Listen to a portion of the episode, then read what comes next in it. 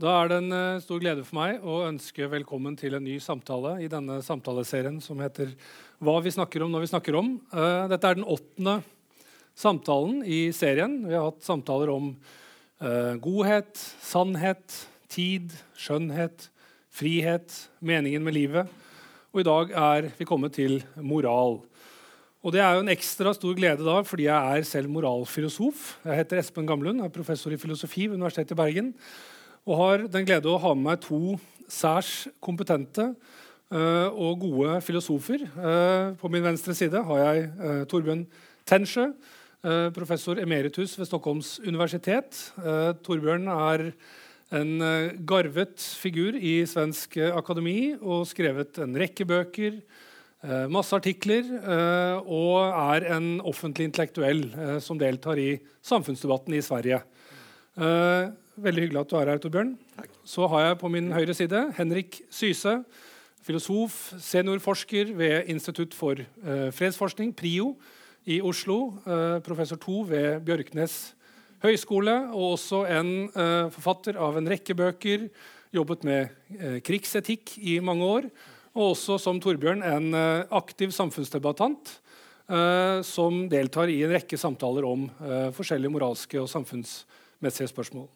Stor glede å ha deg, Henrik. Tusen takk. Hyggelig å være her. Uh, når vi skal innlede denne samtalen om moral, så er det jo nærliggende å starte med kanskje det største spørsmålet. Uh, hva er moral?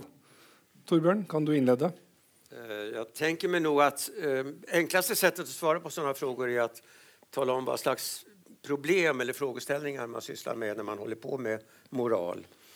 I synnerhet når man gjør det på et universitet som, som vi gjør. Och då är en fundamental fråga naturligtvis i moral vad vi bör göra, vad vi bör göra med våra liv, med världen, med varandra. Eh, och varför vi bör göra det vi bör göra. Vi söker systematiskt efter svar på sådana frågor, förhoppningsvis kanske principer som kan kan inte bara vägleda oss i vårt handlande utan också förklara varför det som vi anser är rätt är rätt och det som är fel är fel. Så det, den normativa etiken skulle jag säga är en viktig del. Och jag har en åsikt i nästan alla frågor så jag kan bara deklarera att jag tycker en handling är riktig om den maximerar lyckan i världen. Punkt slut. Den andra stora frågan eh, i moral rör ju moralens natur kan man säga. Alltså, när jag säger sånt som att man bör maximera lyckan i världen eller man bör eller man bör inte utföra abort och så, så, så är frågan vad slags eh, frågeställning man då sysslar med. Eh, gör man anspråk på att säga något som kan vara sant eller falskt oberoende av vad vi tänker om saken? Eller uttrycker vi bara, bara våra inställningar i frågan? Finns det moraliska fakta, finns det moralisk kunskap eller är det här bara ett område för relativism och nihilism? Så att säga? Det, det, är den andra stora frågan. Återigen, min uppfattning är att de här frågorna är på allvar, på riktigt. Det är sanningsfrågor, man kan ta miste när man säger att någonting är rätt eller fel. Eh, och att vi ska söka efter sanningen på det området. Och eh, också detta är en kontroversiell ståndpunkt men kanske hälften av mina kollegor skulle eh, hålla med om det. Eh, sen har vi naturligtvis den rent tillämpade etiken också. Det, vi kan också diskutera sånt vi kallar eh, deskriptiv etik, att man studerar hur folk faktiskt tänker i etiska frågor. De här två första tycker jag är huvudfrågorna för ett samtal som det här. Då, att, att eh, moralens natur, vad slags frågeställningar är det och vilka är frågorna? De fundamentala om rätt och felhandlande. Mm. Da har du innledet med å tegne opp et kart om, over de, noen av de spørsmålene vi skal forsøke å kretse innom i dag. Uh, et sånt spørsmål som kanskje mange tenker seg, er jo på en måte hvorfor er moral viktig? Mm. Mm.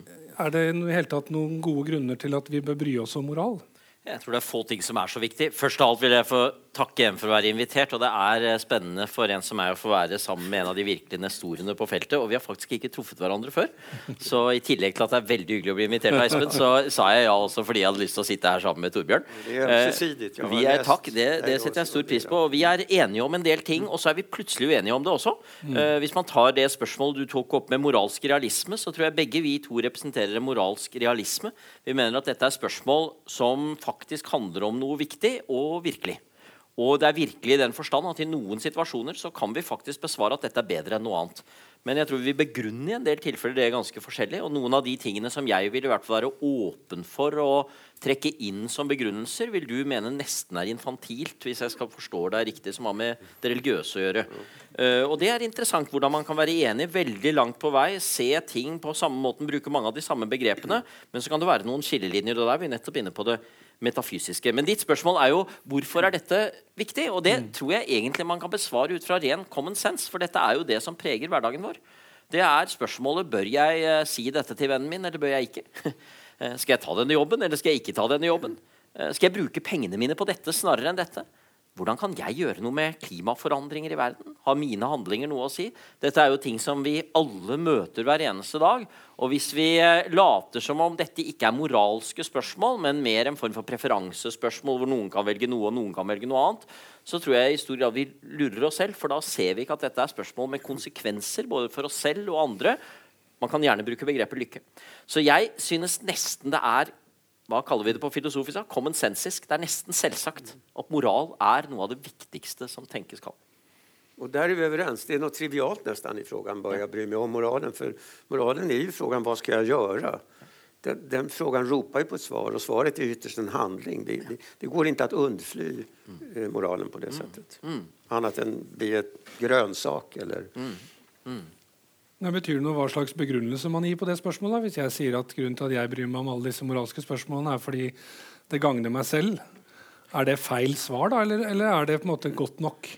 Eh, det er jo også et viktig spørsmål, for jeg tror jo veldig sterkt på det den amerikanske filosofen John Rawls kalte overlappende enigheter.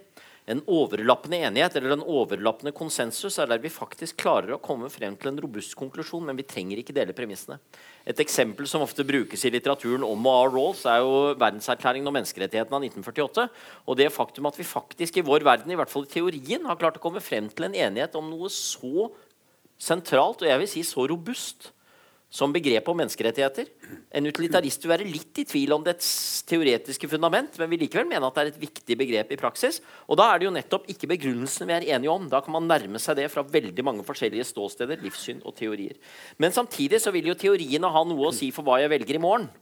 Og hvis det viser seg at jeg og en nazist er helt enige om at vi bør eh, asfaltere gaten der ute, så er det fint, det. Kan vi gjøre det sammen, nazisten og jeg? Men jeg vil ikke da si at det har ikke noe å si, fordi han ønsker å bruke det til å lære som en paradegate frem til en konsentrasjonsleir. Så vil jeg si nei. nei, da er det viktig. Det er at jeg setter det på spissen nå, men det viser at det er klart begrunnelser er viktige.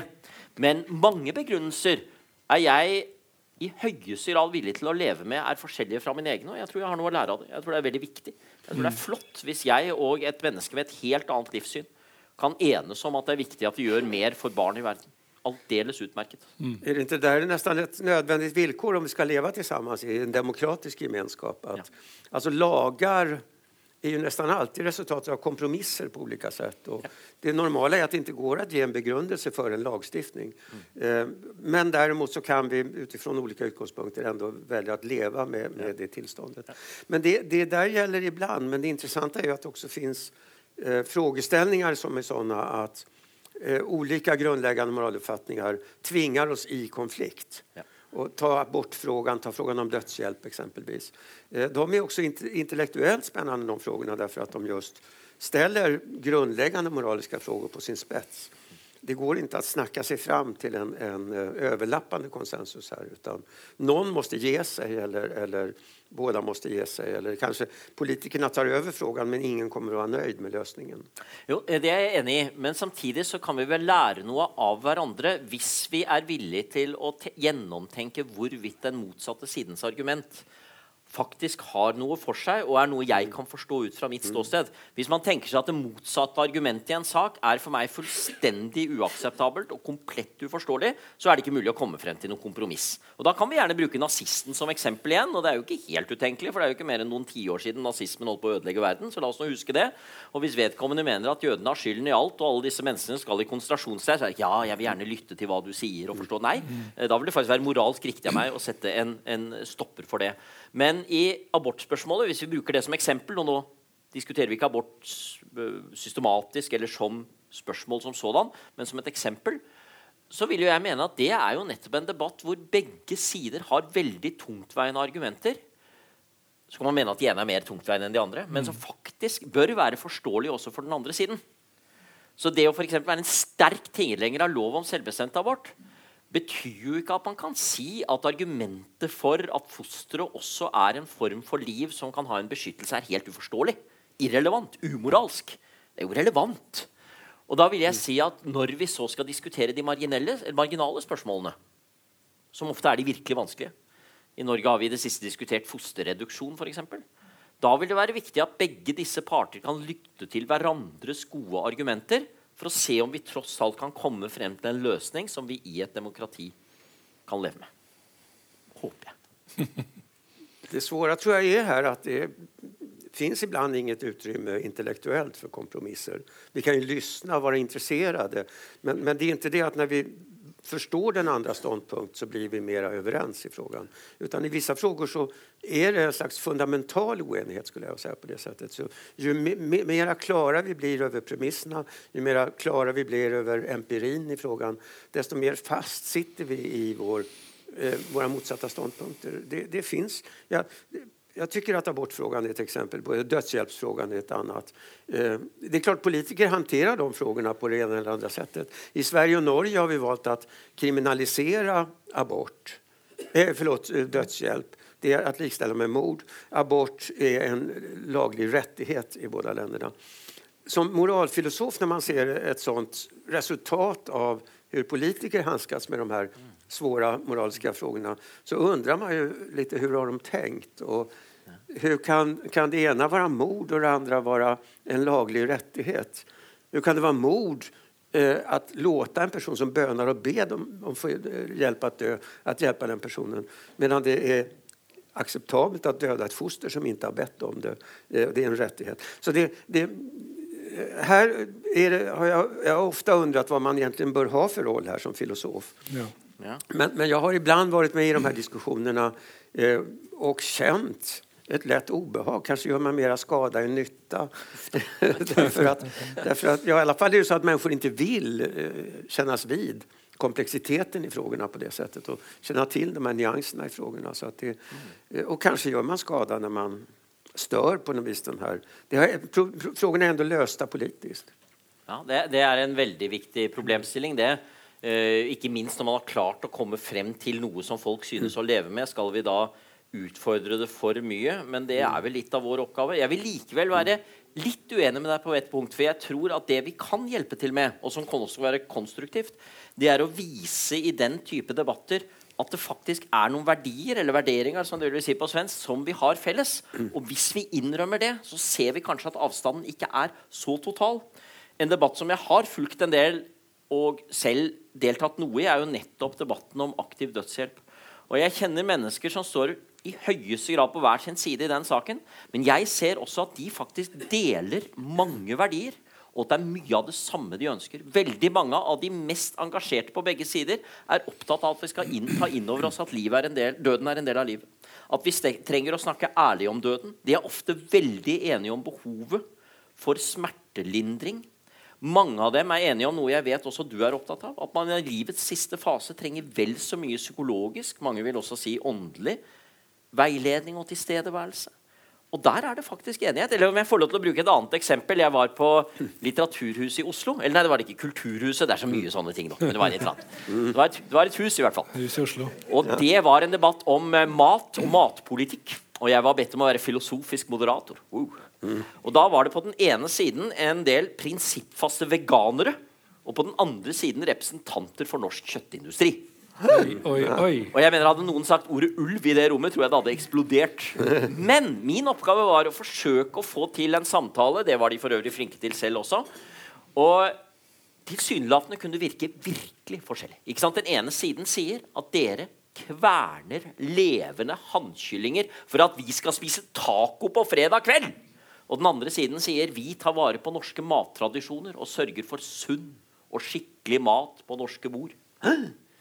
Men jag fant ut gjennom den samtalen vi hadde i løpet av de knappe timene vi hadde, at eh, begge disse partene er oppriktig opptatt av dyrs velferd. De mener i hvert fall at det er det. Jeg tror dem på det. Mange av dem. De er opptatt av naturforvaltning. De er opptatt av bærekraft. Og hvis vi klarer i en sånn samtale å å identifisere de verdiene som de er sammen om, så tror jeg i hvert fall lettere vi kan leve med hverandre selv når standpunktene som sådan är så forskjellige och kanske till och med inkompatibla. Det där tror jag är en sån fråga där man kan komma långt, som du säger, genom att eh, tänka djupare kring den. Eh, inte minst om man tänker utilitaristiskt på frågan om djur och eh, om vi ska äta dem eller inte. Och, och ändå våga ställa frågan att om vi inte äter dem vill vi heller inte att de ska finnas. Det är på något vis en pragmatisk implikation av det här att vägra att äta dem. Är man intresserad av djurs välbefinnande så går det ofta att finna en väg där man skulle kunna enas om att, att, att ger man dem ett hyggligt liv och en hygglig död så, så är det bättre än om de inte fick finnas alls. Och ja, men det finns många vägar in i den diskussionen som, som ställer saker på huvudet och komplicerar diskussionen. Jag vet, du och jag har inte talat om det där ännu, men du är vegetarian jag ja, ja. och jag äter kött av principiella skäl, för, för djurens skull. Och så. Vi är väldigt oeniga om det. Ja. så där... Och jag satt nettopp vid sidan av Espen och spiste ja. skinke. Ja. Jag beklagar. Och jag är så tolerant. Ja. Men, men, men, men, men, vissa frågor är sådana, alltså, men det finns också frågor, vill jag påstå, där, där, där där, det är fundamental oenighet. Och det, det, det, hjälper inte. Alltså, det hjälper inte att bli mera insatt i frågorna. Utan, och det är ju det där, filosof, det, är det där talesättet om filosofer att om två personer möts och är överens så är åtminstone en av dem inte filosof. Eh, och det har aktualitet i alla fall vissa frågor som är från antiken och framåt så har vi frågeställningar med oss som vi tänkt hela livet över. Vi kunde ha suttit i samma seminarierum och diskuterat dem. Vi känner varandras argument utan och innan men vi övertygar inte varandra. Och det finns en fortsatt fundamental oenighet på det sättet. Och jag tror tyvärr att både abortfrågan och frågan om dödshjälp inrymmer sådana moment. Alltså många är beredda att tänka utilitaristiskt till exempel på dödshjälpsfrågan. De, de oroar sig eller de hoppas på att en viss lagstiftning ska ha bra konsekvenser och, så vidare. Men, men det finns ändå någon kärnfråga där. Får man döda en oskyldig människa? Ens på hennes begäran? Eh, och vissa säger principiellt nej till det och det är en genomtänkt ståndpunkt. Mm. Eh, och så uppstår frågan när börjar livet? Mm. Ja, en ganska rimlig ståndpunkt är att livet börjar vid befruktningsögonblicket.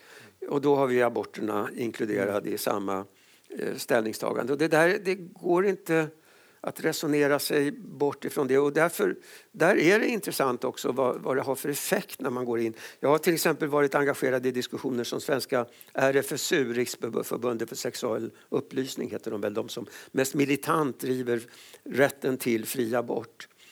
Och jag känner att det blir dålig stämning när jag, när jag introducerar konfliktfyllda olika filosofiska perspektiv på frågan.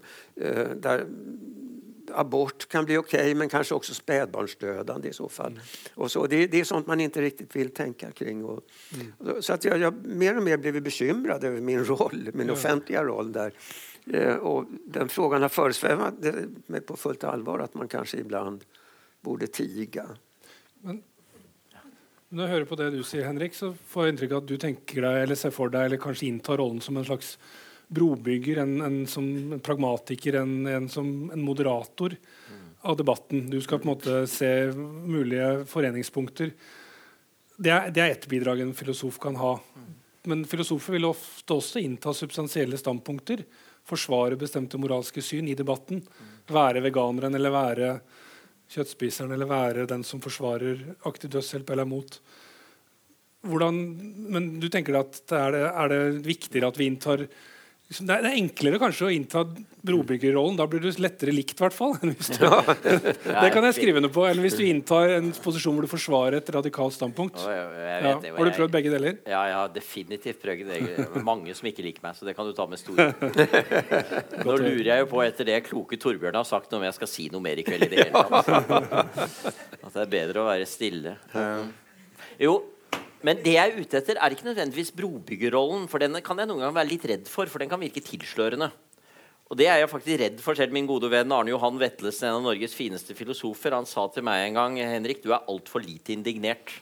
Mm. Det var ikke ment som noe kompliment. Han er jo så vennlig, så det var ment positivt på en måte. Men han sa at eh, noen ganger så virker det som alt blir så hyggelig når du snakker om det. Ja. Og det er nå 15 år siden, så jeg har prøvd å skjerpe meg siden det. Og. Uh, Eh, og jeg mener alvorlig det jeg nå sier, for den, den brobyggerrollen kan noen ganger være tilslørende. Men det jeg snarere er ute etter, det er å forsøke å undersøke de underliggende argumentene. Mm. og derfor også de underliggende verdiene. Hvis det er én filosof som har inspirert meg på det, så er det, eller i det spørsmålet, så er det eh, middelalderfilosofen Thomas Aquinas, som jo skriver sine viktigste verker i en disputasstil. Og Det gjorde mange på den tiden, men Thomas Aquinas var en langt større filosof enn mange av de andre. Så når han gjør det, så gjør han det med reelle argumenter. Og hans måte å bygge opp en artikkel på i sin Summa Teologia er jo alltid starte med argumentene mot sitt eget syn, før han en gang har presentert sitt eget syn. Så presenterer han en autoritet som støtter hans syn, så argumenterer han for det, og så må han svare på innvendingene til slutt. Mm. Og Det er en usedvanlig tilfredsstillende måte å gjennomgå spørsmål på. Ikke fordi han dermed ikke har et standpunkt, noen ganger er det standpunktet vi vil anse som meget kontroversielle i dag, men fordi han gjennomtenker kan det være noe i det annet syn som jeg trenger å ta inn over meg. For Mange tror at dette her er en ren stråmannsargumentasjon. Man setter opp noe man likevel kan rive ned. Men det interessante med Thomas Aquinas er at han veldig ofte i slutten av artikkelen gir mange av innvendingene rett. Denne innvendingen hadde faktisk rett. Mm. Og det er vel det jeg er ute etter. Og da tror jeg oppriktig at mange av oss i vårt samfunn er enige om veldig mange verdier, selv om vi er uenige i abortspørsmålet. Vi er opptatt av kvinners helse. Vi er opptatt av barns rettigheter. Vi er opptatt av å beskytte liv. Så har vi noen metafysiske uenigheter, og de er gamle. Mm. Thomas Aquinas for øvrig mente at uh, fosteret først har full, li, fullt liv etter 40 dager for gutter og rundt 80 dager for jenter. Det var basert på en aristotelisk form for, for, for, biologi som vi vil synes er underlig i dag, men, eh, men Aristoteles eh, hadde stor innflytelse på det, det, feltet. Så vi vil være uenige om noen metafysiske spørsmål, men hvis vi dermed sier at pga. det så er det ikke mulig for oss å snakke sammen om og finne løsninger i disse spørsmålene, så synes jeg det er trist, for da synes jeg at vi kaster bort veldig mye av den enigheten vi faktisk har om noen riktig substansielle ting.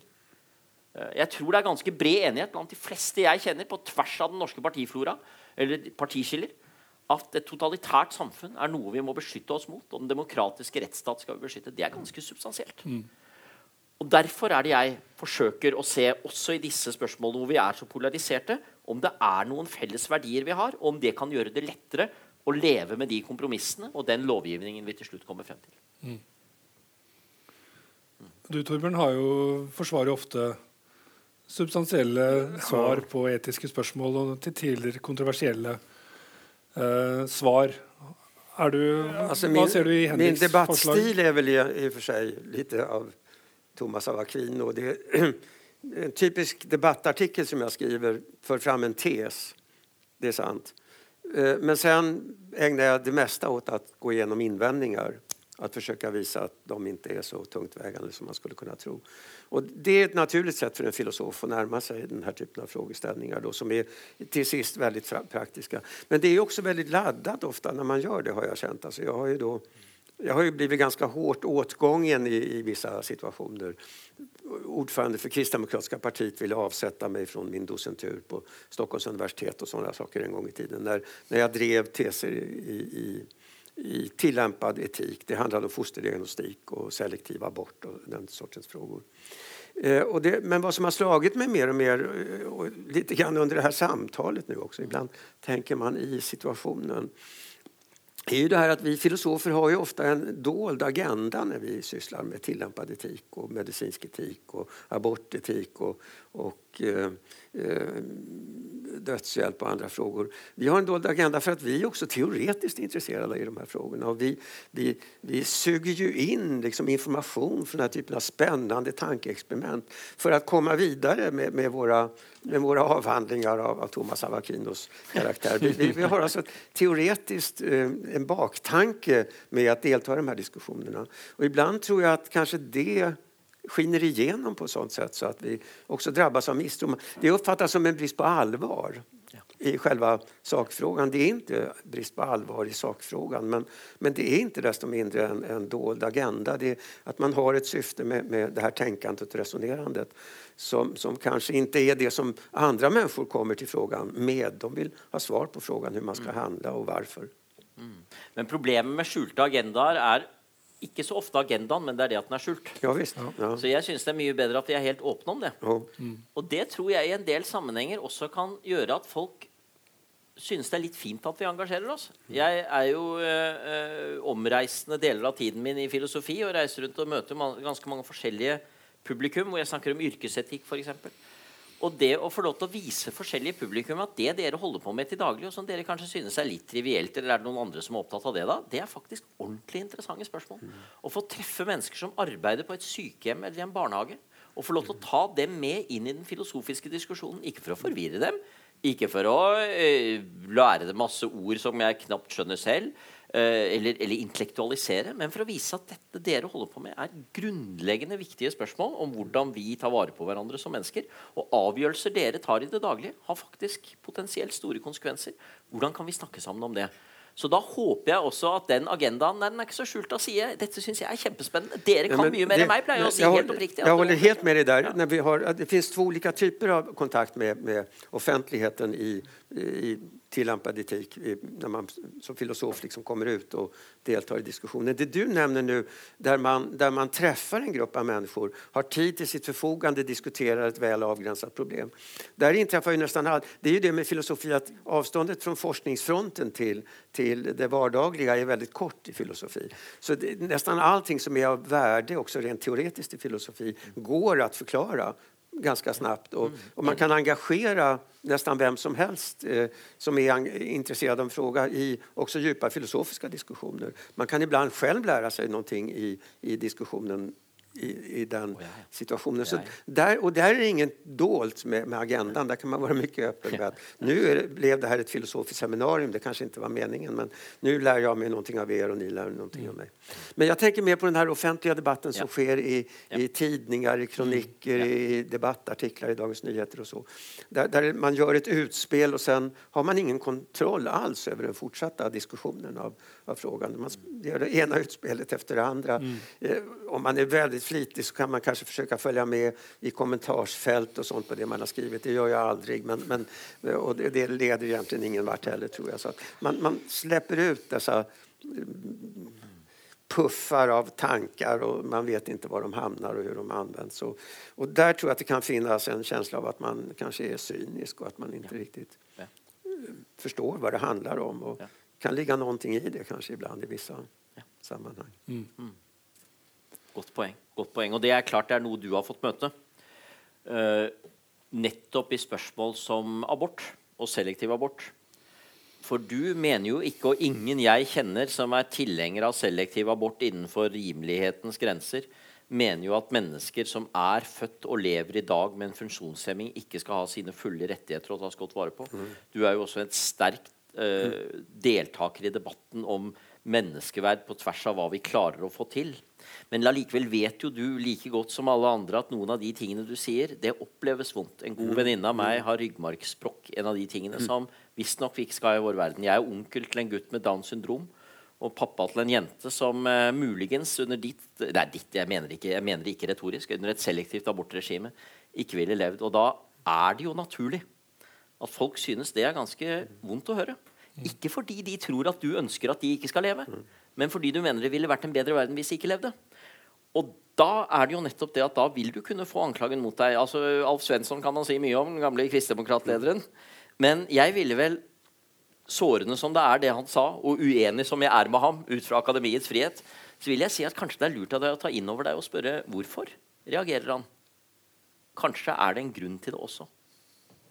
Det har jag gjort. Och ja, det, det vet jag. Jag har ju systematiskt försökt att, att få frågorna ner ifrån den här offentliga mm.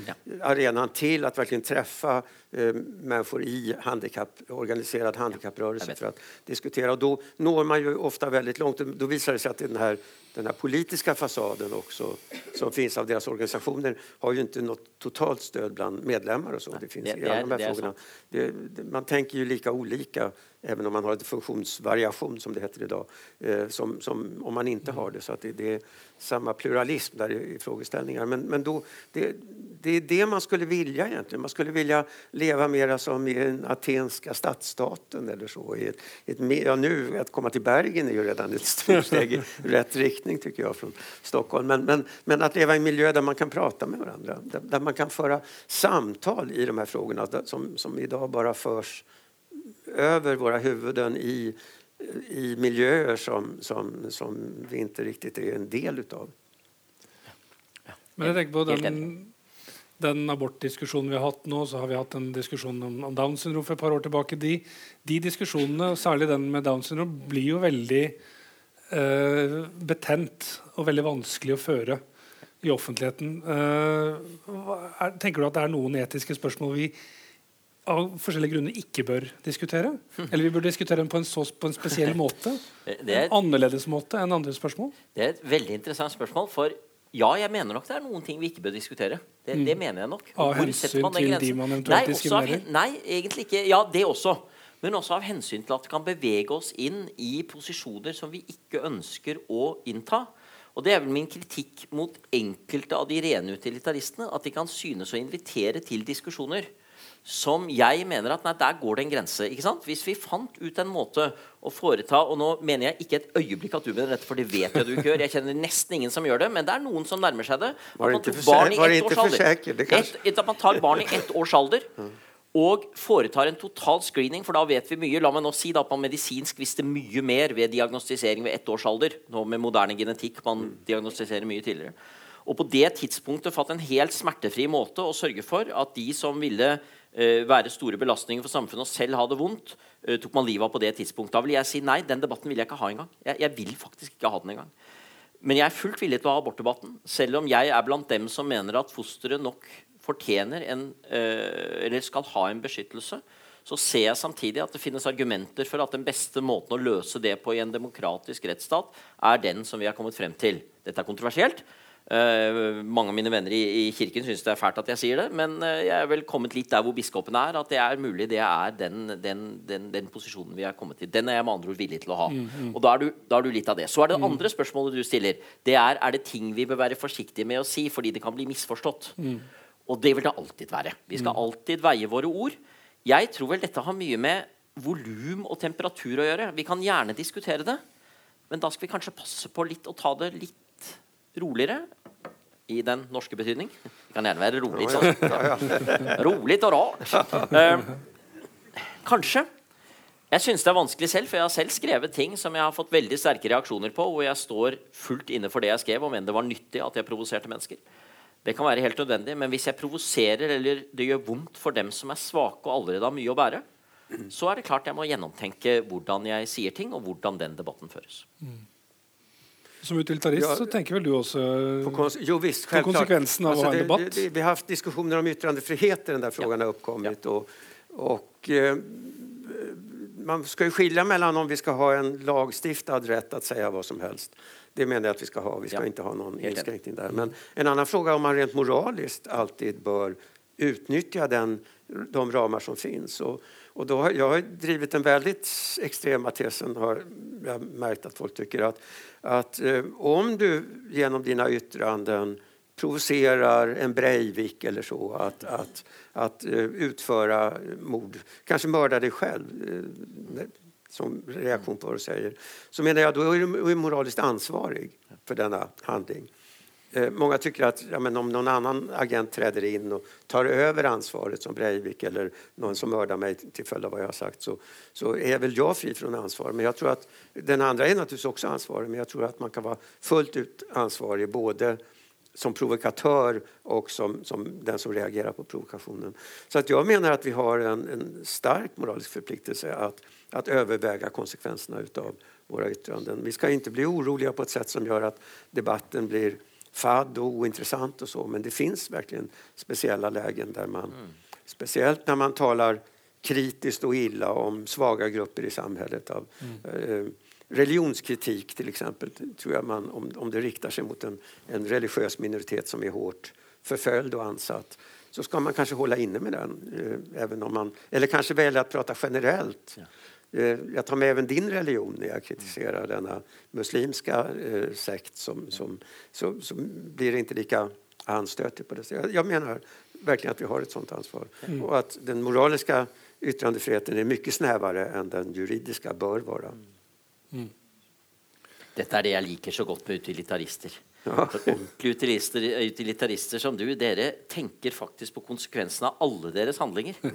Og det syns jeg er så imponerende. Det må være slitsomt, men det er imponerende. Ja, jeg, jeg, jeg setter veldig pris på det. Jeg, setter, jeg gjør virkelig det. Skal vi gå litt tilbake til et av de områdene innenfor moralfilosofi som, som Torbjørn uh, nevnte innledningsvis, nemlig dette med, med spørsmålet om, om, moralens grunnlag. Altså, og, og, Dette er på en måte et felt som kalles metaetikk i moralfilosofien. Eh, uh, Fins det moralske sannheter, eller er alt egentlig et spørsmål om smak og behag? Er det relativt, subjekt, subjektivt osv.?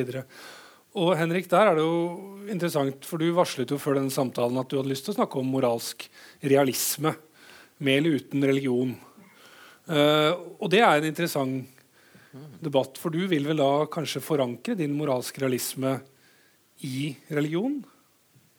Ikke nødvendigvis. Og jeg lurer på om, om jeg har lyst til å snakke om det allikevel, for det er ganske vanskelig. Nei da. Eh, både Torbjørn og jeg som sitter her, er moralske realister. Og jeg tror ikke vi egentlig er det på så forskjellige, forskjellige måter. For jeg tror at vi både psykologisk og filosofisk mener at det er noe i menneskers liv som skaper lykke, og noe som ikke gjør det. Så mener jeg at mange utilitaristers lykkebegrep noen gang kan bli ganske snevert. Og det er en kritikk du kjenner godt, og som du har svart på. Men jeg mener jo likevel at det er den viktigste grunnen til at vi har forpliktelser overfor andre i den daglige mellommenneskelige atferd. Og det betyr også at noen handlinger er rette, og noen er det ikke. Og hvis vi skal spørre hvorfor skal vi yte motstand mot en Anders Behring Breivik eller en Josef Stalin eller en Pol Pot eller en Adolf Hitler, så vil jeg mene at dette er ikke smak og behag. Det er ikke fordi nei, vi har noen litt andre verdier og det er flere som slutter seg opp om dem. Nei, det er fordi faktisk de representerer noe som er grunnleggende falskt satt opp mot hva som er et godt menneskeliv. Men så kan man ta skrittet videre og spørre hvor kommer disse verdiene fra? Hvorfor er menneskelivet så viktig? Hvorfor er lykken så viktig? Og da vil jo jeg si, ut fra en lesning av menneskets historie, kan man nærmest si Homo sapiens historie, at erfaringen av at vi ikke er vår egen skaper Vi har ikke skapt oss selv at det er mulig at det ligger en kraft bak, eller en vilje bak dette, og at dette kommer til uttrykk gjennom forskjellige mytologier og teologier, at det skal vi i hvert fall være åpen for kan være en mulig begrunnelse for det. Og når jeg personlig ut fra mitt livssyn mener at eh, menneskelivet er så viktig som det er, også annet liv, at jorden vår er verdt å ta vare på, at det er virkelig mye som står på spill, så tror jeg det er fordi dette livet har en mening utover den relativt korte tidshorisonten som de fleste liv har her. Og det er ikke en slags sånn du, du, ville sikkert si det er en slags trøst. Jeg leste et intervju med deg. Der satte du det sikkert litt på spissen. Jeg vet ikke engang om du hadde lest gjennom sitatene. Men der sa du at du var ganske skeptisk til religiøse mennesker, for du mente at de var ikke voksne. Av prinsipp leser jeg aldri. Nei, ikke sant. Ikke sant. Den, den, den burde du ha lest korrektur på. Eh, så, eh, men, men, jeg ser jo det argumentet. Hvis det var nærmest bare at jeg trenger noe å trøste meg med, så jeg, jeg antar at det finnes en gud. Men hvis jeg mener det er en erfaring som vi finner igjen i menneskehetens historie at mennesker har, og som kommer til uttrykk på forskjellige måter i den kristne fortellingen gjennom fortellingen om Jesus som noe som er med på å si noe om hvorfor dette livet har verdi, så vil jeg mene det er relevant. Men i en verden hvor vi mennesker mener forskjellige ting, så vil ikke jeg insistere på at det er den eneste måten å forstå det på. Eh, jeg er fullt åpen for at folk kan ha en helt annen måte å begrunne det på. Eh, men jeg vil mene den er viktig, og jeg har en venn som har studert tilblivelsen av verdenserklæringen av 1948. Og han påpeker jo det som veldig få av forskerne påpeker, at både Eleanor Roosevelt og de fleste andre i den komiteen de mente personlig at det iboende menneskeverd som hvert eneste medlem av den menneskelige familie har Er ikke det en flott formulering? Jeg elsker første mm. setning av verdenserklæringen. En menneskelig familie. Alle medlemmer av denne har de samme grunnleggende rettigheter. Og den samme iboende verdighet. Inherent dignity. De mente personlig at dette nok var noe som kom av at mennesket var skapt eller hadde en opprinnelse eller sin verdighet fra noe religiøst. Men de var veldig tydelige på at det skal ikke stå i erklæringen. For vi kan ikke tvinge alle til å mene det, og det går an å begrunne det på mange andre måter. Det jeg vil være åpen for, at det er en relevant måte å forstå moralens grunnlag på. Og jeg er litt redd for den type modernitetsrasjonalisme. Eh, uh, som sier at det er nærmest noe vi har lagt bak oss. En eller annen gang i menneskeheten så trodde vi på enhjørninger, og da trodde vi på Gud om det er vi ferdig med nå.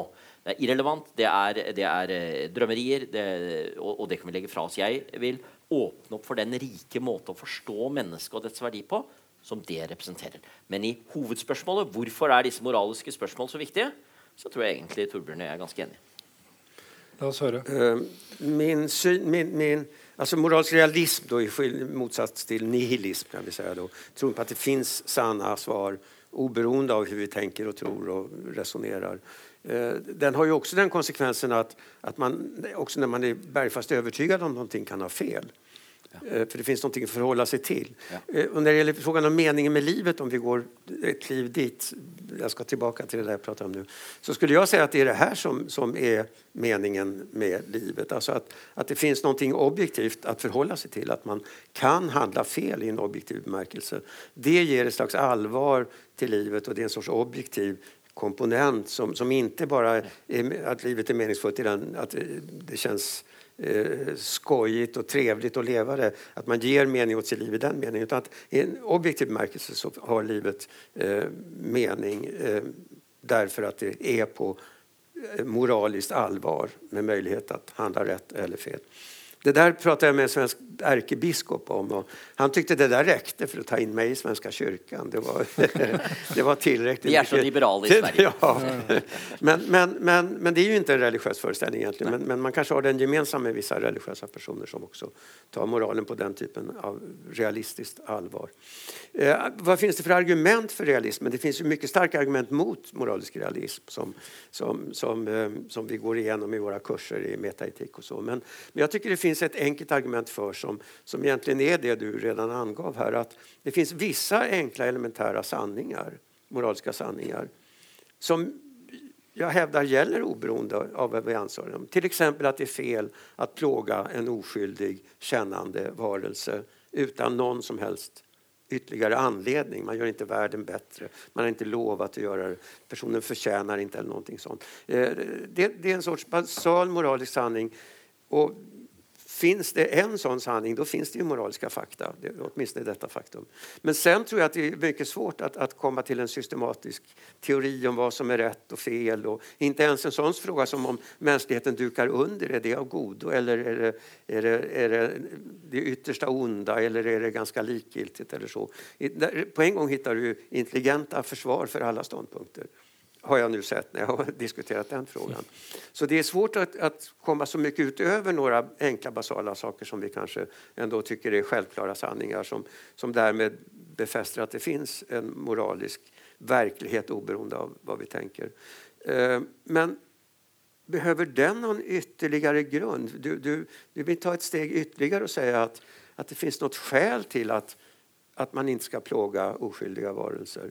Eh, Nämligen att någon har konstruerat dem eller, eller eh, skapat dem eller någonting sånt. Jag, jag, ser inte att det överhuvudtaget lägger någonting till, till den här insikten om att vi inte ska plåga andra. Det spelar ingen roll om någon har skapat dem eller inte, om det finns en gud eller inte. Om det, det är helt ovidkommande skulle jag säga för, för den här frågan. Och det är nästan lite perverst tycker jag, om du ursäktar ordvalet. att tycka att om jag kan plåga dig eller inte skulle bero på hur du har kommit till, om någon har skapat dig eller om du är en naturprodukt eller någonting sånt. Redan det att det gör ont i dig om jag plågar dig är väl det som motiverar att det här är fel. Och anta att någon har skapat dig men inte dig. Är, är du mera värdefull än vad du är då? Och mera skyddsvärd i så fall? Mm. Jag for en forsiktig person som er i grunnen ganske fint å bli kalt pervers av og til. Ja. Nei, men fra, fra helt, helt alvorlig det, jeg, jeg, ser tydelig hva du sier, og jeg mener jo ikke at uh, dette i seg selv er en nødvendig del av en argumentasjon for at du ikke skal plage andre. Men allikevel kan det ha en mening på to to måter. For det første så kan det være spørsmålet ja, hvorfor er det så mye som står på spill. Og Det er jo noe av det som mange synes er skremmende med utilitarismen. Ikke med din utilitarisme, men manges utilitarisme. At den handler om et totalt lykkebegrep. Og Hvis vi derfor må ofre noen for at andre skal få mer lykke, så kan det være tillatelig, fordi den totale summen av lykke i verden øker. Og det er min utilitarisme. Ja, jeg vet det, men du mener ikke av den grunn at vi skal kunne henge en Eh, person for noe vedkommende ikke har gjort, hvis det gjør at det blir mindre bråk, bråk i Dodge City? Du mener at det likevel er noen rettsstatsprinsipper som beskytter den uskyldige? Eh, jag tycker det ska finnas regler som förhindrar detta beteende. Ja, ja, men, men, det kan ändå ja. vara rätt att göra ja, men det. Det er den regelutilitarismen der som jeg, som jeg griper fatt i. Eh, men jeg vil da mene at det å se i det andre mennesket noe hellig, og det trenger ikke være religiøst forstått men det å se i dette mennesket noe som har en slik verdi, som gjør at det er noe mer enn bare en sentient being eh, Men det har en, en, eh, en, mening utover det. Jeg mener i hvert fall jeg ikke er noen pervers forestilling. Eh, jeg mener ikke det er noen ødeleggende forestilling. Og jeg mener det er en forestilling som kan sikre og trygge menneskeverdet. Jeg startet dagen i dag med å forelese i Jæren prosti syd for Stavanger. I den store prostisamlingen for alle de ansatte i fire menigheter der. Og der treffer jeg altså en del fantastiske mennesker. Eh, ut fra noens fremstilling av religion skulle vel dette være et underlig sted bestående av barnslige og overtroende som mener at andre mennesker stort sett kan plages fordi Gud har fortalt dem det. Det jeg møter i alle sånne sammenhenger, med noen unntak rundt omkring i verden Vi vet hvor mye rart og forskrekkelig mennesker kan gjøre i religionens navn. Men det jeg treffer, er mennesker som drives og nå er jeg over på motivasjonsbiten, av nettopp denne troen på at livet er noe hellig, og at jeg har en forpliktelse overfor dette livet. Mennesker som er så oppofrende og gjør så mye for andre mennesker, drevet av denne motivasjonen. Og om jeg så selv ikke var religiøs i det hele tatt, om jeg mente at dette var en ren oppfinnelse, så kan ikke jeg møte de menneskene og ikke ta på alvor hvordan det driver veldig mange mennesker til mye som er utrolig livsforandrende men det här tycker inte jag riktigt är ett inlägg i den diskussion som jag försökte dra igång. Det, det, här, är, det, här, det här är psykologi om, om, om vad som driver människor att handla och så vidare. Men, men, men den här tanken att, att det inte räcker att, att, det, att det gör ont utan att det är viktigare om den det gör ont i eh, är en Guds skapelse eh, än om den bara är en naturprodukt. Eh, alltså den, där, den, den distinktionen används ju för att motivera att du var inne på människovärde, att det finns ett särskilt människovärde. Och då har man väl en föreställning om att människan är skapad av Gud eh, till avbild medan andra djur och så inte blir viktiga. Så att vi kan ha två varelser som, som är väldigt lika på olika sätt. De lider lika mycket och så, men, men den ena har en särskild tillkomsthistoria och därför ett särskilt skyddsvärde. Det är det jag kallade en sorts perversion. Och då försökte jag turnera exemplet så att, så att vi skulle bara rent hypotetiskt kunna tänka sig att, att vissa personer i det här rummet är verkligen skapade till Guds avbild, men andra råkar vara naturprodukter. Bara men det går inte att skilja dem åt. Liksom. De ser precis likadana ut. Och det gör lika ont i dem. och så. Eh, att, att den distinktionen alls skulle vara moraliskt relevant. Jag säger inte att det inte är så. Jag säger inte att Gud inte finns. Jag säger inte att Gud inte har åstadkommit det här. Men, men att det skulle finnas en moralisk dis distinktion som bygger på att vissa är resultatet av Guds hantverk och andra naturprodukter. Det är det jag tyckte var en, en moralisk perversion. Ja, ja, men det, det, det godt. Det skjønner jeg veldig godt. Jeg kjenner ingen som mener det du sier der. Men, eh, men, eh, det som jo mange mener, og det også helt uten noe religiøst ståsted, er jo at menneskeverdet er av en annen art enn andre dyrs verd. At alle levende skapninger har en form for verd som naturskapninger, men at mennesket har et særskilt verd. Og det er jeg er enig med deg at det er et veldig vanskelig spørsmål. Det er vanskelig å vite hvilke konsekvenser det har hvis man går bort fra det også. For hvis man da skal veie opp mot hverandre menneskers overlevelse og andre dyrs overlevelse, så kan man stå overfor noen meget vanskelige dilemmaer. Men det i seg selv mener jeg ikke er perverst. Det som ville være perverst, var nettopp å si at det er helt uh, arbitrært. Du er Guds barn, du er ikke. Så du skal ikke behandles på den måten, men du kan det jo. Det vil jo være helt redselsfullt. Och det är då också det de totalitära regimer Men jag uppfattar det som att det var din ståndpunkt, att, att det att man hade tillkommit på det här sättet gav en extra skyddsvärde. Ja. Ehm, och då skulle man ju rent hypotetiskt kunna tänka att du är Guds barn, men du är inte Guds barn. Men för övrigt allt annat lika. Det är bara en ja, fråga da, om tillkomsthistoria. Om man då brukar den jødisk-kristne måte att formulera det på med alla människor som är i Guds bilde, så blir det ganska vanskligt. Nej, men det är en annan sak. Det, det, ja, det är inte någon, det är det saken. Ja, men hur det faktiskt förhåller sig, vad Gud har skapat och inte skapat. Jag gjorde ett tankeexperiment här. Och bara för att komma åt den här föreställningen att det, det räcker inte att det gör ont för att det ska vara fel. Utan, utan dessutom blir det ännu mer fel eller mer oförsvarligt om individen eh, har tillkommit på det här sättet. Att, att religionen skulle kunna ge ytterligare kraft så att säga, åt den här moraliska ståndpunkten. Det tycker jag är en moraliskt konstig uppfattning. Mm. Men alltså, jag tänker på det du sa i stad, Henrik, med att eh, det å forsøke å, liksom være denne brobyggeren i debatter og hvis, hvis, da Torbjørn påpeker at denne personen lider, eh, och og det er tilstrekkelig for å slutte at det er galt å plage den, så vil du på en måte innføre enda et premiss, nemlig at Gud har skapt vedkommende, og at du på en måte bringer en metafysisk premiss som kanskje da er gjenstand for stor uenighet. Er det ikke da, går det ikke an å tenke at det er en unødvendig ekstra steg? Hvis vi er enige om at her har vi etablert at det er galt å plage denne personen fordi det gjør vondt, og da har vi på en måte sagt alt vi trenger å si. At det er et steg for mye å gå og hente inn jo, det, jeg er slett ikke uenig i det. og jeg mener jo også, Det var det jeg startet med å si, at jeg mener jeg er mer enn tilstrekkelig i seg selv som moralsk, et moralsk grunnlag for hvorfor vi skal behandle andre mennesker som vi gjør. Men det betyr ikke at hele historien om mennesket nødvendigvis er sagt. Det er jo mange andre ting, og Vi trenger ikke trekke inn religion. i Det hele tatt. Det kan være andre ting som eh, uh, samfunn, tilhørighet, familie.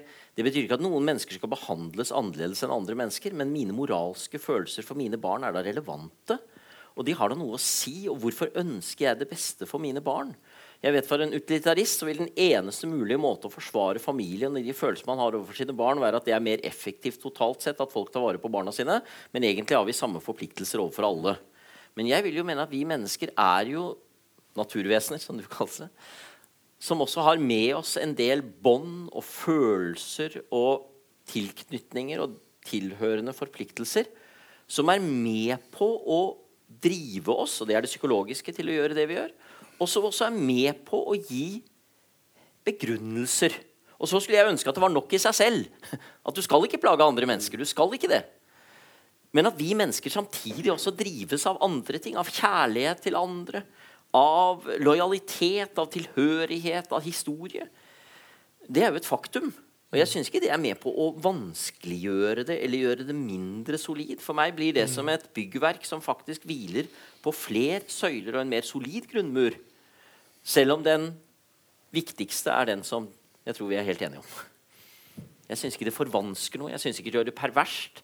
Men jeg syns det er med ja, altså, på nærmest å utfylle ja, med flere farger. Vissa av de saker du sier nå, det er vel sånne der frågor som der moralfilosofer normalt er uense. Ja. Jeg sier at våra band, vi ska ta särskilt hand om våra barn, men det är en praktisk fråga. Det är en sorts, eh, vi ska också tillåta oss själva en viss spontanitet i, i våra relationer till nära och kära, därför att annars har det dåliga konsekvenser om vi inte är den sortens varelser. Så det är en sorts instrumentell ytterst begrundelse av det här Eh, speciella relationen till de som är nära. Men vi kan naturligtvis också gå alldeles för långt där. Måste vi, vara, vi måste vara på vår vakt så att vi inte, att vi inte i vänskap till exempel upprätthåller relationer till den som blir nazist. Eller så. så att det, det, det är ett vanskligt spel hur långt man ska gå.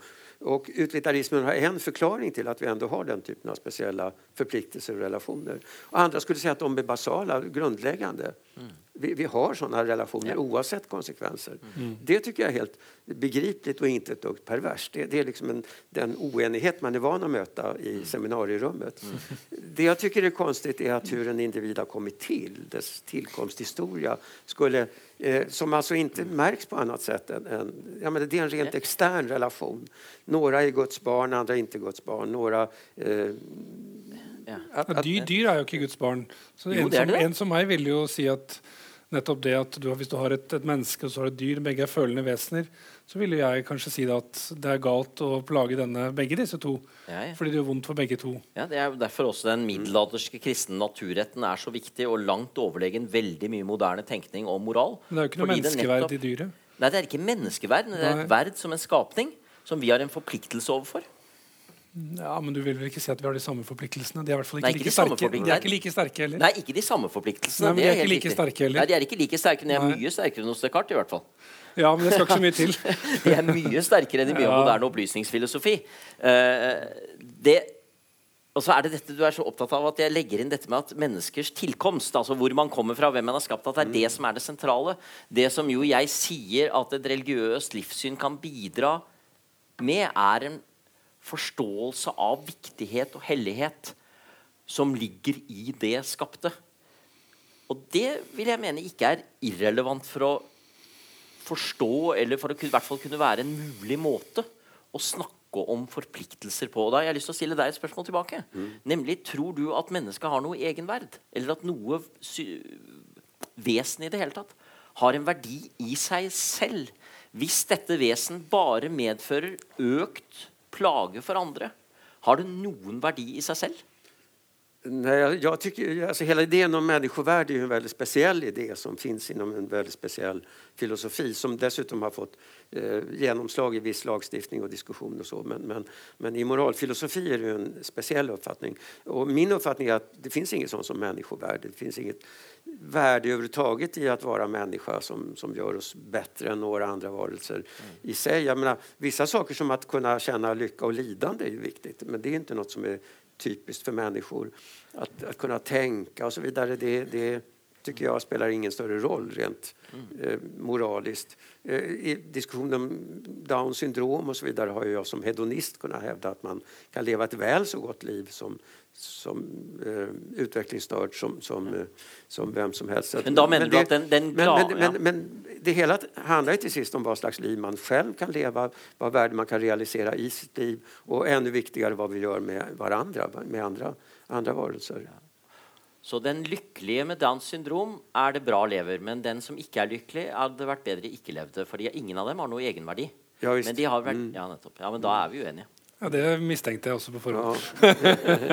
men vi er enige om annet. Men, men, men, men, jag tror vi kan ha den oenigheten utan att dra in Gud egentligen. Eller jag, i alla fall skulle jag, jag kan ju förstå den där ståndpunkten utan att, och normalt har den väl inte begrundats i, i Gud har ingen särskild roll i naturrätten väl? Och, Nej, det är helt riktigt. Och det är utan, utan det, det, det här med divine command är en annan historia. Men, men, men den här traditionen som vi känner från så kallad kristen etik är ju en etik som kristna omfattar men som, som inte har någon referens i sig till Neida. Gud. Og, og, og, slik sett så Det finner du jo både i den kristne naturretten hos mm. Knut Løgstrup f.eks. Eh, jeg synes at en som uttrykker det du står for, men som nok da står for en litt annen måte å gjøre det på, det er jo nettopp Thomas Aquinas, som vi snakket om. Han sier jo at det er ikke så mye vi kan si substansielt, men noe kan vi si. Og Han deler de tre i sin uh, avhandling om naturretten i Summa Teologia. For det første, det at levende vesener søker å leve, det er felles for alle vesener. Og det må vi anse som et gode. Det er et gode som vi skal søke. Og der ligger naturrettens grunnlag. Vi skal søke det gode og avsky det som er vondt. Og livet er godt. Og det tar han som et premiss. Og det kan begrunnes religiøst, men det kan også begrunnes fra Aristoteles eller en ren rasjonell tenkning. Og sier han Som en følge av det så må vi også passe på at livet kan videreføres. Derfor er forskjellige former for familiekonstruksjoner blant dyr og mennesker en naturlig ting, og den skal beskyttes. Derfor skal vi også beskytte barna. Og Det tredje, som man vel tar enda mer fra Aristoteles og dels fra sin kristne tenkning, er at det å oppleve at livet har mening. Det å oppleve at vi søker noe som gjør at livet faktisk er noe viktig for oss. Og det er alt fra den rasjonelle diskurs til for ham, tilbedelsen av Gud. Det er ting som er gode, og som skal beskyttes, for det er med på å gjøre livet til noe mer enn bare en, en, fysisk tilstedeværelse. og Han bruker et begrep fra Aristoteles. Det handler ikke bare om å leve, men om å leve godt. Jeg syns den tredelingen der er ganske god, og den tror jeg vi kan være ganske enige om hvis du tar bort Gud fra det siste resonnementet. Ja, ikke heller om det første. Men, men jeg, jeg, vil gjøre en jeg prøvde i hvert fall. Jeg vil gjøre en mer generell poeng her. For det her tror jeg er viktig i dag også, når vi lever i den typen samhälle vi lever i idag med, med, med mycket kulturella och religiösa konflikter. Ja. Att eh, det, det är viktigt, det medgivande som du gjorde där. Och jag menar, det var inte ett medgivande, det betyder att det satt hårt inne eller någonting sånt. Men att, att, att, att, att moraluppfattningar är en sak och, moral, eh, och religion är en annan. Ja. Och att i väldigt många fall så är det en sorts tillfällig förbindelse mellan en viss moraluppfattning och en viss religiös tillhörighet. I moralreglerna finns inga hänvisningar egentligen till Gud utan moralen är sekulär. Men när man lever i en sån gemenskap så är man väldigt hårt skolad in i att också tänka på ett likartat sätt i moraliska frågor. Och det där är av ondo tror jag. Det, när, vi vill få ett mera, när vi vill leva samman i ett mångkulturellt samhälle med, olika, med variation i kultur och moraluppfattningar och så, så tycker jag man ska försöka sätta sprängkilar, finns det uttrycket på norsk, ja. eh, sprängkilar i, mellan religion och moral. Och, eh, jag har själv försökt till exempel övertyga många kristna om att, att eh, det finns mer stöd för utilitarismen i Bibeln i så fall, mm. utifrån exempel, än, än för det man kallar kristen etik. Speciellt bergspredikan är väldigt, det finns många fina exempel på hur Jesus uppträder som en god utilitarist eh, snarare än, eh, alltså som exempel då. Så att, men, men hela den där tanken att, att religion... Så det är därför jag också blir irriterad när du också vill begrunda till sist den moraliska ståndpunkten med någon sorts hänvisning till vem som har skapat. Alltså det, det vore väldigt befriande om, om man kunde se det där att, att moral, moraluppfattningar är en sak, religiösa uppfattningar är en annan sak. Om människor i växande utsträckning tillåts att tänka kritiskt och självständigt utan att de behöver ge upp till exempel sin religion så får de tänka självständigt i moraliska frågor. Mm. Men står då ditt fundament i utelukkende lidelse och lycka något starkare som begrunnelse? Är det så okontroversiellt att då kan vi komma fram till de ändliga svaren? Det är jag mer i tvivel om. Det är en mycket svårare fråga. Alltså det, vad, jag, vad jag begrundar med det här enkla exemplet att det är fel att att plåga en kännande varelse utan att det finns någon motivering för det. Det är för att visa att det finns åtminstone ett moraliskt faktum som, som, som ja. existerar oberoende av oss. När vi sen ska börja tala om vad som är rätt och fel. Jag nämnde till och med att i den här diskussionen jag har varit i nu om miljökris och mänsklighetens undergång och så, så, så har jag mött eh, allt ifrån ståndpunkten att, att det vore bra om mänskligheten gick under för det är så mycket lidande ändå. Det skulle vore bättre om vi befriades från detta lidande. Vi har Georg Henrik von Wright, den finlandssvenske eh, mm. filosofen som sa att det är en pipa snus. Och det är finlandssvenskt uttryck för att det spelar ingen roll om mänskligheten dukar under. För när vi väl har dukat under så finns det ingen där som kan klaga på vad som har mm, hänt. Mm, mm, eh, och jag utifrån mitt utilitaristiska utgångspunkt tycker det är det yttersta onda om mänskligheten går under. Mm. Och vi ska hålla på så länge som möjligt, är viktigt också. Mm. För jag tar en liten anekdot. Det var en, en, en, astronom som åkte runt och höll föredrag i Sverige i, i olika eh, sammanhang. Och, eh, efter ett av han pratade om solsystemet och solen skulle slockna. Och så kommer en dam fram till honom Eh, frågar efteråt bekymrat. När sa du att solen skulle slockna? Ja, om fyra miljarder år, säger han då. Och vad skönt, sa hon. Jag tyckte du sa fyra miljoner år. Men oerhört lätt. Men om man skrattar åt henne då, då skrattar man samtidigt åt mig. För det, ja, det, det, är viktigt, det är ytterst viktigt att vi håller på så länge som bara mm. det går. Och skillnaden mellan fyra miljoner och fyra miljarder är ju oerhört. Så att, ja, men till, inte ens en sån avgörande kollektiv existentiell fråga går att komma överens bland alltså, filosofer är fundamentalt oense om den. Så jag håller med om att det är en lång väg ifrån den där första basala insikten om att det finns moraliska fakta till att tala om vilka de är. Om vi kunde hålla på i fyra miljoner år är lite oklart, men vi kunde hålla på mycket längre. Uh, vi måste sätta en streck. Tusen hjärtligt tack till Torbjörn Tensche och Henrik Syse. Och tack till alla er som kom och hörde på. Tusen tack. tack.